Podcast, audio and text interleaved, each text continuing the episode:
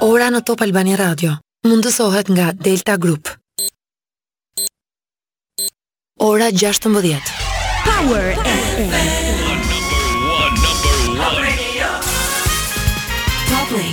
Flash në Top Albania Radio. Informacionet kryesore të ditës. Përshëndetje, këto janë lajmet e orës 16. Përshëndetje. Vendimin përfundimtar për regjistrimin e Partisë Demokratike në vendoret e 14 majit do ta marrë kreu i KQZ-së Ilirian Celibashi. Dy grupimet vendosën të çonin në KAS vendimet e 9 marsit të Celibashit, që të drejtë i dha grupit Alibeaj, por me kusht plotësimin e dokumentacionit në një afat 48 orësh që përfundoi mesnatën mes së shtunës e të dielës. me argumentin se Këshilli i Ankimimeve dhe Sanksioneve nuk ka kompetencë për shqyrtimin e vendimeve të ndërmjetme u ra dakord të mos kaloheshin për shqyrtim kërkesat e asnjërës palë, ndërkaq Sali Berisha sot foli për koalicione. Partia Demokratike hyn në këto zgjedhje në koalicion. Ka një koalicion me Ilir Metën, të parin fare, sipas të cilit Partia e Lirisë angazhohet të mbështesë kandidatët tanë në të gjithë Shqipërinë. Ky koalicion do njohë zhvillime tjera të reja dhe do të komunikohen nesër zhvillimet e reja të këtij koalicioni. Nga prezantimi i strategjisë për zhvillimin e Bashkisë së Tiranës, kryeministri Edi Rama e quajti sfidën e sfidave rishikimin e pagave. Këtë kërkesë kryeministri ia adresoi bizneseve private. Ndërkohë që kam parasysh Si palë këtu edhe në radhë të parë të gjithë sipërmarrja. Ne jemi në një fazë kur me patjetër duhet të synojmë me këmbëngulje dhe me kurajo rritjen e vazhdueshme të pagave. Përsëri kryeministri foli për informalitetin e kompanive me dy bordero.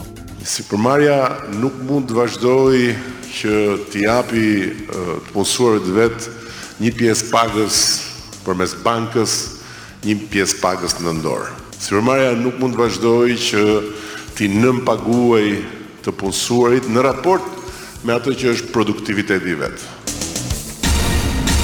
Në territorin e fshatit Likmetaj në Durrës sot u gjet i shkrumbuar automjeti që dyshohet se u përdor nga autorët e atentatit mafioz në Don Bosco me një grua të vrarë dhe gjashtë të lënduar që janë në gjendje psikologjike të rënduar. Në vendngjarje shkuan ekspertë nga Tirana të cilët po bëjnë këqyrjen e mjetit, paraprakisht mësohet se aty u gjetën tre armë automatike.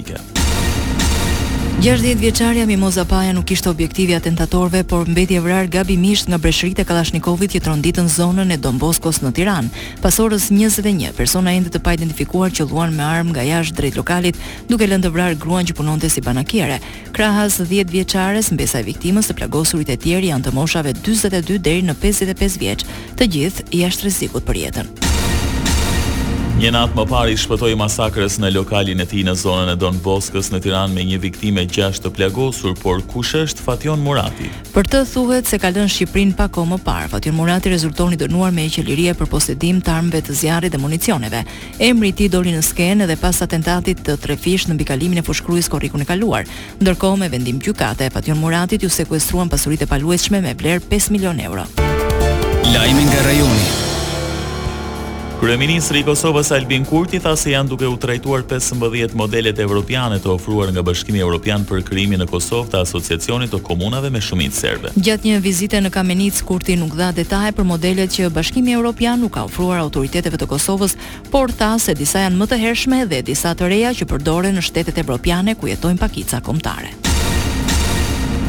Pas Prishtinës, Beogradi është ndalesa e radhës e të dërguarit të BE-së për dialogun Kosovë-Serbi, Miroslav Lajçak. Kjo në kuadër të përgatitjeve për takimin e radhës mes kryeministrit Kurti dhe presidentit Vuçiç. Dy liderët do takohen më tetëmbëdhjetë mars në Ohër. Fokusi i bisedimeve, rruga drejt zbatimit të marrëveshjes për normalizimin e marrëdhënieve për të cilën Kosova dhe Serbia arritën dakordësi më njëzet e shtatë shkurt në Bruksel. Dokumenti me njëmbëdhjetë nene i publikuar nga Bashkimi Evropian nuk përmend në mënyrë specifike njohje reciproke. Lajme nga bota. Ukraina dhe Rusia po raportojnë humbje të mëdha teksa vazhdon beteja në Bakhmut. Prej muajsh Moska po përpiqet të fitojë kontrollin e këtij qyteti në lindje të Ukrainës. Presidenti ukrainas Volodymyr Zelensky tha se forcat ruse janë përballur me mbi një mijë e njëqind vdekje ditët e fundit dhe më shumë të plagosur në gjendje kritike.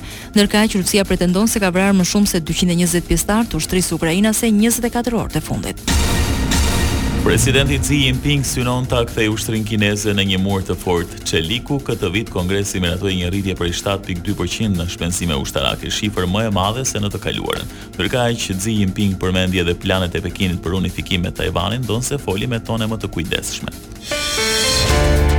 Art dhe kulturë.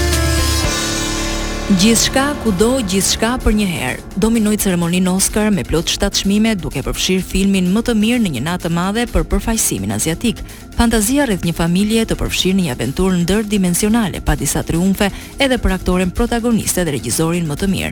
Fitimtarë dolën dhe aktorja dhe aktori në role dytësore. Vlerësimet nuk munguan as për skenarin më të mirë origjinal dhe montazhin në ceremoninë e nëntëdhjetë e pestë të Oscarëve. Michelle Yeoh u bë e para aziatike që fitoi çmimin Oscar si aktorja më e mirë dhe e dyta grua me ngjyrë pas Halle Berry-t në vitin 2002. Në fjalimin e rastit, Yeoh vuri në dukje se ky moment ishte fener shpresë e mundësie teksa dha një mesazh të rëndësishëm për të gjitha gratë duke deklaruar, Zonja, kurrë mos lejoni askënd t'ju thotë se keni kaluar moshën.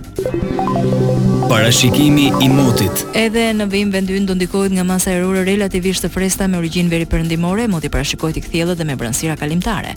Temperaturat variojnë nga zero në nëntëmbëdhjetë gradë Celsius. Ndoqët një përmbledhje kryesore të lajmeve të ditës. Edicioni i radhës është në orën 17. Unë jam Edi Hallaçi. Unë jam Ani Bame. Kjo është Top Albania Radio.